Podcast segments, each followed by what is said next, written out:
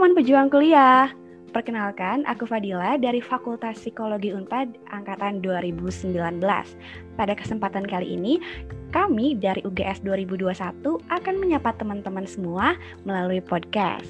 Nah, podcast ini merupakan podcast perdana dari UGS 2021 dan aku akan berbincang dengan narasumber yang pokoknya asik banget teman-teman. Yuk kita kenalan dengan narasumber kita terlebih dahulu. Halo Anake.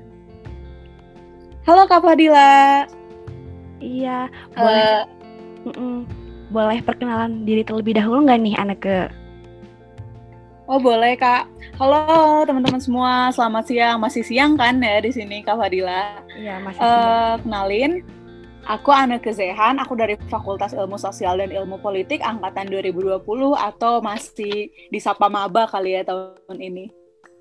Iya, Iya bener banget tahun ini masih baru banget ya maksudnya. Nah kalau untuk jurusannya sendiri kalau boleh tahu Anda ke dari jurusan mana nih? Uh, kebetulan aku dari jurusan ilmu pemerintahan nih Kak Fadila. Oh keren-keren. Kalau dari jalur masuknya sendiri Anda ke? Aku masuk lewat SBMPTN, kebetulan kemarin aku lulusnya di SBMPTN. Gitu. Tapi aku daftar juga sih, aku daftar ke Universitas Pajajaran itu di SNMPTN juga dan di Mandirinya. Wah keren banget emang anak ini sangat inspiratif, sangat penuh perjuangan teman-teman patut dijadikan contoh. Nah kalau alasannya sendiri nih kenapa ya anak ke pengen memilih jurusan ilmu pemerintahan?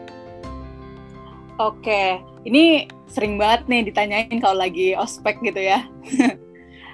Sebenarnya sih uh, apa ya alasannya tuh sederhana karena pemerintahan itu dia pengaruhnya itu dari atas sampai bawah dan pemerintahan itu belajar banyak hal gitu loh. Jadi aku nggak cuma fokus ke uh, masalah sosial dan politik, tapi ke banyak masalah sampai ke hukum, sampai ke komunikasi, sampai ke ekonomi, bahkan sampai ke kesehatan kayak gitu sih. Jadi hubungannya dengan berbagai macam aspek gitu dari atas ke bawah, dari kanan ke kiri kayak gitu sih. Oke, keren banget, keren banget. Tuh teman-teman, jadi kalau emang kita memilih jurusan itu emang harus tahu dulu gitu alasan kenapa kita pilih dan Ane sendiri udah tahu gitu kenapa dia memilih jurusan itu karena dia emang tertarik di jurusan itu. Nah mungkin kita langsung mulai aja kali ya Aneke untuk episode kali ini. Ya jadi Boleh hari banget, ini kita akan mengobrol sama Aneke tentang slice of life jadi mahasiswa. Nah, karena aku juga yakin banget teman-teman pejuang kuliah akan merasa penasaran gimana sih rasanya jadi mahasiswa, khususnya perubahan yang dirasakan ketika menjadi siswa dan mahasiswa. Nah, pertanyaan pertama nih, anak ke experience jadi mahasiswa pertama kali. Waktu benar-benar baru pertama kali masuk ngerasain gitu jadi mahasiswa itu gimana sih rasanya? Oke, ini seru sih uh, karena waktu berubahnya aku dari siswa ke mahasiswa itu emang banyak hal yang nggak pernah aku rasain sebelumnya. Kayak contoh sederhana ospek. Ospek karena uh, fakultas aku itu dari berbagai macam jurusan, jadi ospeknya itu kan ada tiga, ada ospek universitas, ada ospek fakultas, terus ada ospek jurusan. Itu agak lumayan bikin apa ya, culture shock ya. Karena uh, waktu zaman sekolah kan kayak SMP sama SMA ya udah ospeknya seminggu aja gitu. Ospek sekolah itu pun kayak dilaksanain dengan uh, sama osis atas bimbingan guru. Sedangkan kalau misalnya ospek di kampus tuh bener-bener event yang gede gitu loh. Kayak ada banyak gestar terus pembicara-pembicaranya uh, keren. Terus kayak kayak keren banget deh pokoknya. Kayak semacam acara-acara gede gitu kayak pensi dan lain-lain uh, walaupun karena lagi pandemi ini dilaksanain secara virtual kayak gitu sih. Terus uh, gaya ospek apalagi ya gaya belajar juga ini agak lumayan bikin aku kaget karena kan biasa waktu sekolah tuh kayak dipaket dari pagi sampai sore. Sedangkan kalau kuliah ini kayak jam-jamnya tuh gak nentu gitu loh. Itu sih lumayan asik. Oke, berarti ini nyambung juga nih uh, jawaban dari Anake ke pertanyaan kedua. Nah, ada pertanyaan tentang perbedaan jadi mahasiswa dan siswa. Tadi mungkin udah dijawab sebagian bahwa gaya belajarnya nih ternyata emang beda. Mungkin selain itu bisa dijelasin gak sih apa perbedaan yang signifikan banget yang udah kamu rasain? Oke, bedanya jadi siswa dan mahasiswa. Menurut aku, ketika kita udah mengemban namanya mahasiswa gitu dalam diri kita itu karena balik lagi ya kita kan pas jadi mahasiswa pas kita masuk ke perguruan tinggi itu kita diikat oleh tridharma perguruan tinggi lalu peran lima peran mahasiswa gitu kan. Nah itu tuh nggak cuman apa ya gak cuman label gak cuman sautan doang gitu loh tapi itu bener-bener di menjadi dasar di setiap kegiatan mahasiswa. Jadi setelah aku jadi mahasiswa setelah aku kuliah aku itu jadi didorong untuk berpikir kritis karena emang di setiap mata kuliah atau di lingkungan organisasi pun itu gitu. Aku dituntut untuk itu. Sedangkan waktu sekolah tuh ya ya udah manut-manut aja gitu dapat uh, bukan perintah mungkin dapat instruksi ya udah iya ikutin. Sedangkan kalau kuliah itu nggak kayak gitu. Ternyata ada kebijakan-kebijakan yang bisa dilawan dan lain-lain. Itu sih. Jadi kayak uh, mungkin lebih dewasa secara pikiran kali ya. Dan nggak nggak main makan aja gitu loh. Terus waktu sekolah itu kayak uh, kegiatan-kegiatannya itu terikat semua uh, dari sekolah. Sedangkan kalau misalnya waktu udah jadi mahasiswa tuh nggak terikat gitu loh. Jadi kayak peraturan-peraturan yang diatur juga peraturan yang benar-benar sekiranya melanggar hak. Tapi kalau eh melanggar kewajiban. Tapi kalau misalnya hal-hal yang sederhana tuh kayak udah gak diurusin sama kampus. Salah satu contoh kecilnya kayak rambut. Misalnya waktu sekolah kan rambut wajib sesuai warna dari lahir gitu kan terus sepatu terus baju. Sedangkan waktu di kampus nih apalagi kebetulan aku di visip kayak rambut mau warna-warni tiap hari ganti warna atau baju mau kayak gimana juga itu bebas aja gitu loh. Itu sih yang paling mendasar menurut aku Oke, bener banget kata Ane. Jadi emang kita sendiri yang akan nantinya dituntut untuk menentukan apa yang kita mau gitu ya. Harus lebih berpikir kritis dan juga udah nggak dikasih instruksi lagi sama guru. Jadi emang kita yang udah menentukan kita mau A, B, C gitu kegiatan yang akan kita lakukan selama menjadi mahasiswa nanti. Keren banget Ane kejawabannya. Nah, selanjutnya nih, kan suka ada nih mitos atau fakta jadi mahasiswa.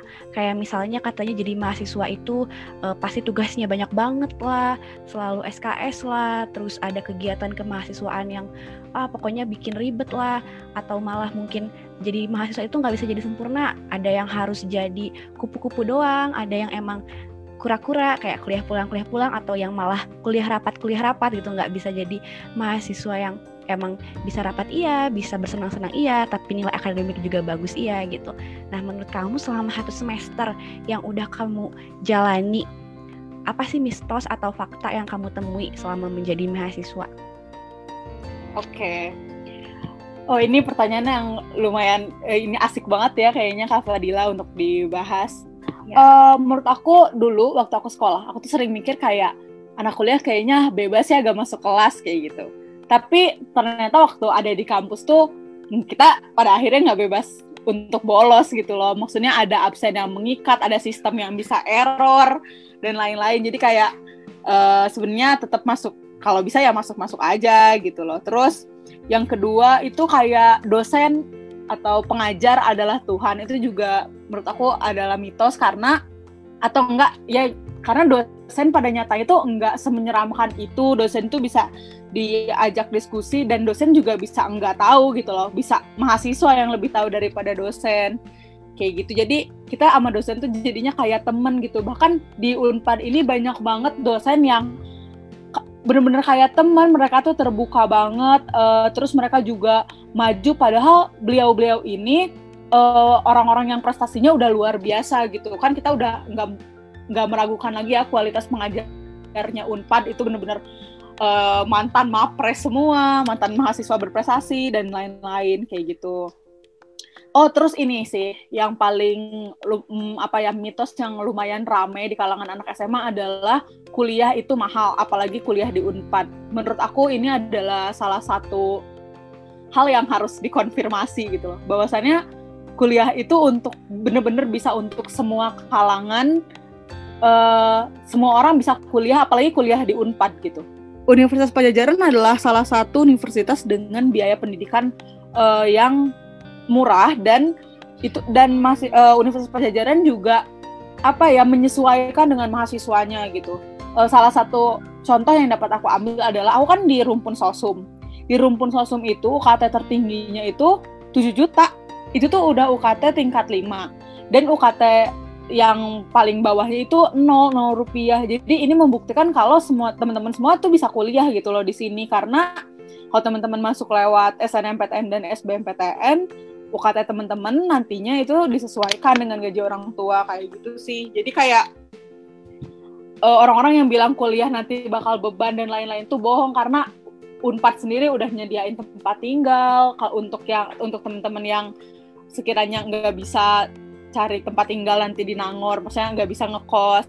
Terus misalnya untuk kalau teman-teman uh, kurang mampu juga sekiranya nanti di, bakal dibantu sama Unpad untuk mendapatkan beasiswa bulanan gitu loh. Jadi kayak ja, uh, kekhawatiran itu sebenarnya harus udah mulai dihapuskan sih karena banyak banget jalan, banyak banget pintu buat masuk Unpad kayak gitu.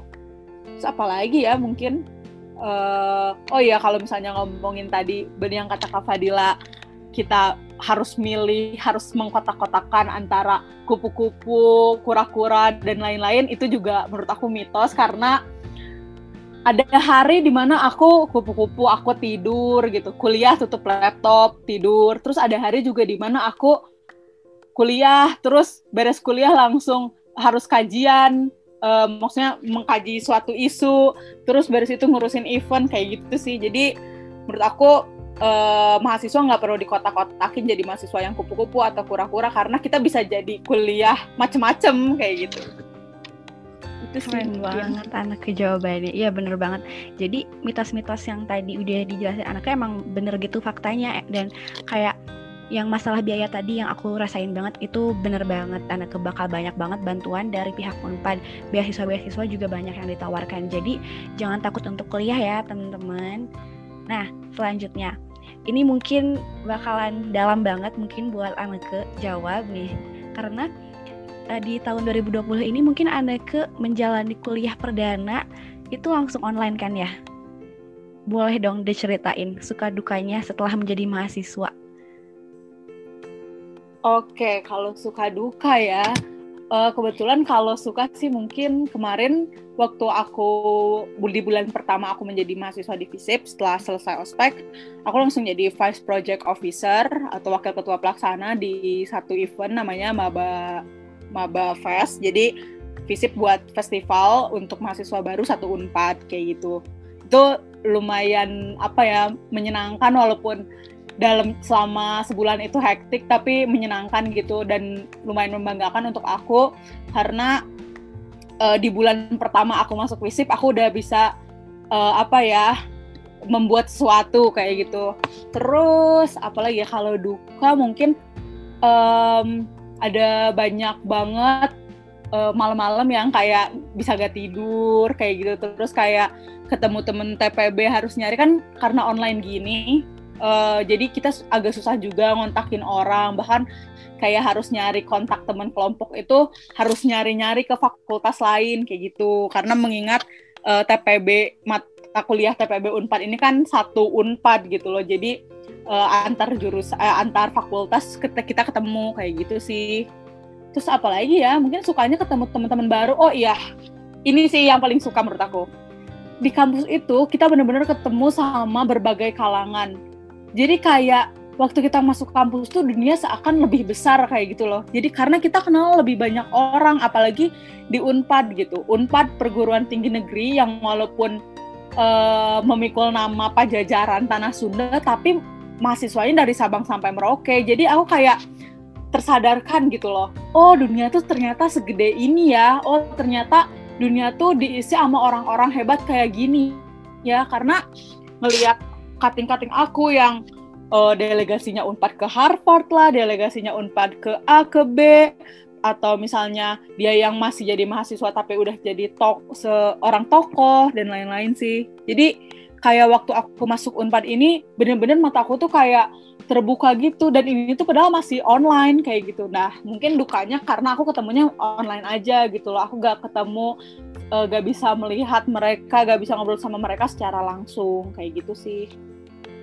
Oke Anke, terima kasih banget atas ceritanya karena uh, tapi aku salut banget dan merasa bangga ikut bangga juga karena Anke keren banget udah jadi uh, tadi vice officer atau apa yang project itu itu keren banget kayak yeah. kamu baru pertama kali masuk dan udah megang project itu luar biasa sekali gitu tuh teman-teman jadi setelah kita jadi mahasiswa itu bakalan banyak banget pengalaman yang kita dapat gitu ya soft skill soft skill ke organisasian ke panitiaan gitu. Dan tadi juga benar-benar membuka wawasan kita membuka mata kita bahwa dunia itu emang besar gitu. Kita tahu gitu bahwa oh ternyata orang-orang itu dari mana-mana ya emang oh ternyata seperti ini ya oh ternyata uh, orang kalau kita berbicara sama orang misalnya dari Sumatera itu oke okay, gini ya gitu. Oh ternyata kayak gitu ya gitu. Jadi kita emang lebih banyak pengetahuan lebih banyak teman gitu teman-teman.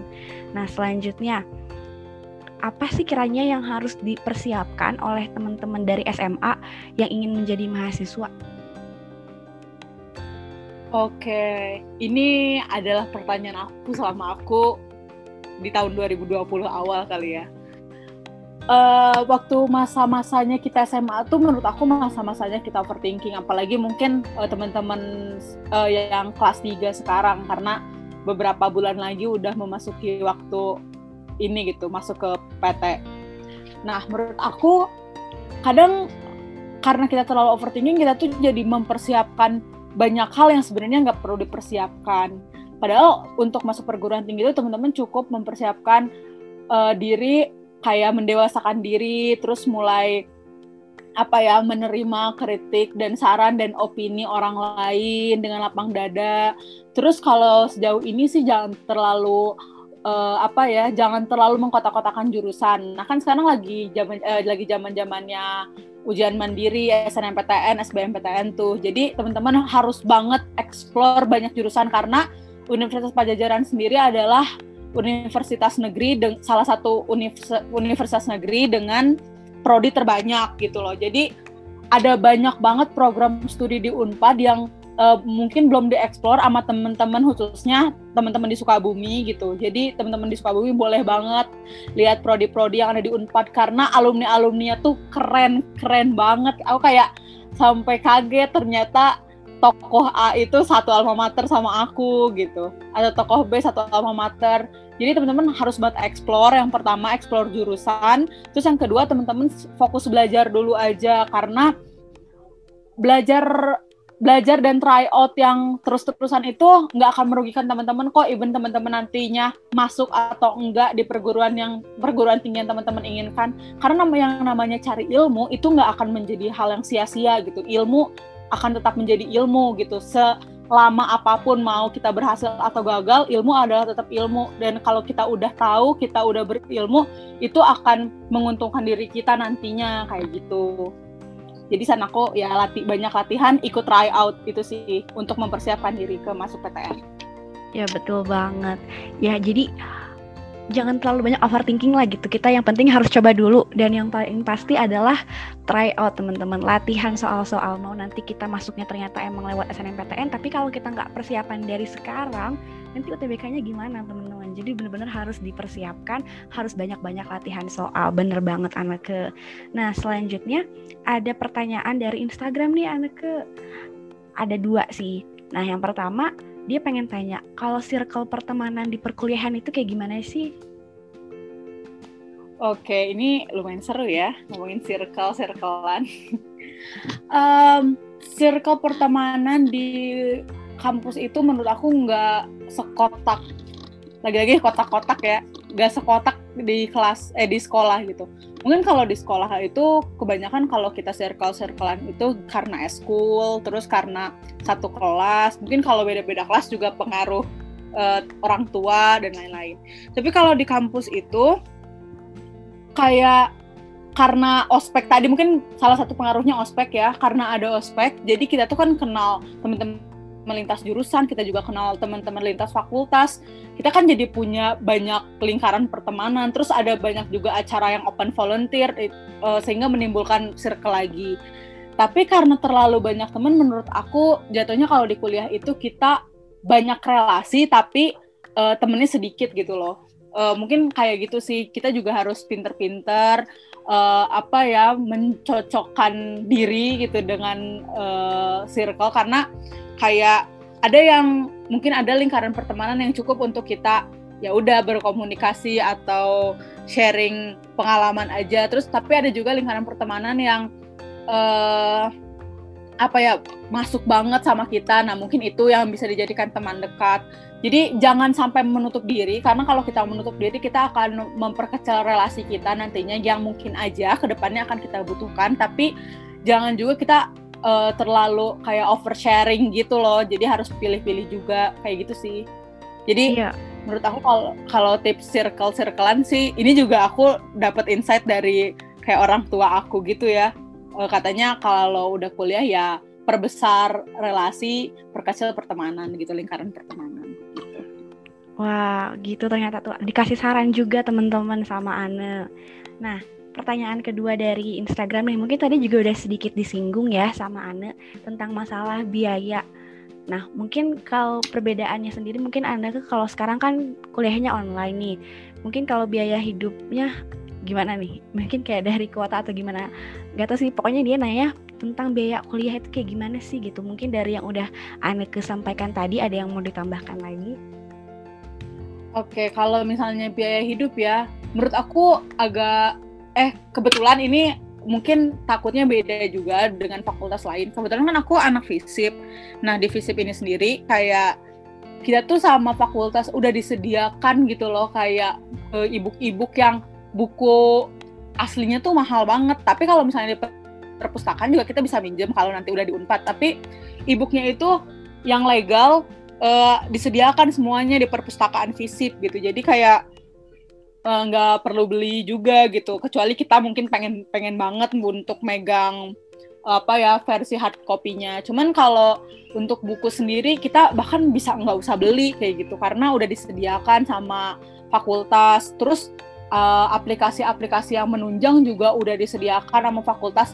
Bahkan ada beberapa aplikasi yang gratis karena email Unpad gitu. Jadi untuk keperluan akademik sejauh ini bahkan yang kayaknya orang tua aku bayar selain semesteran itu cuman wifi deh. Kayaknya cuman itu.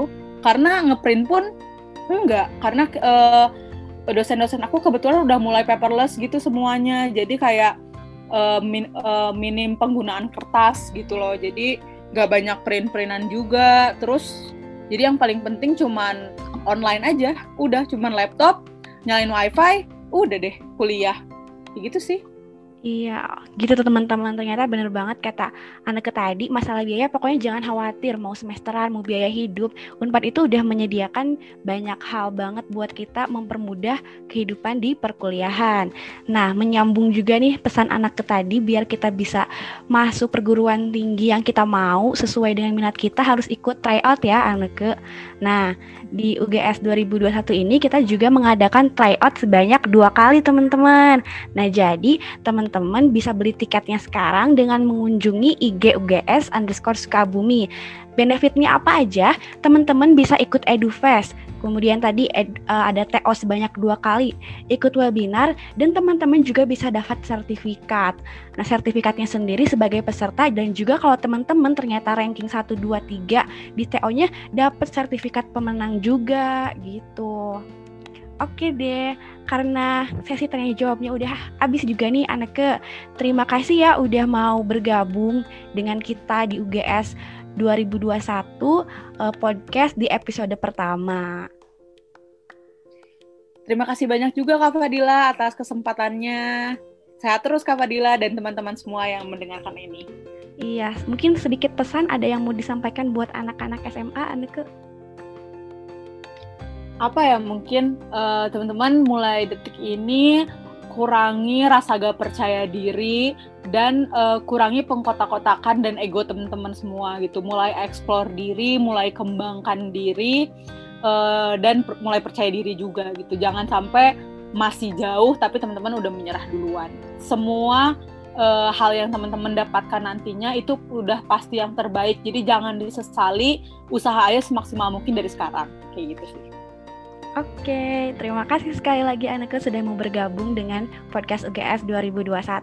Untuk teman-teman pejuang kuliah jangan lupa untuk terus pantengin podcast UGS 2021 karena episode berikutnya akan lebih asik lagi tentunya. Sampai bertemu di episode selanjutnya teman-teman. Dadah.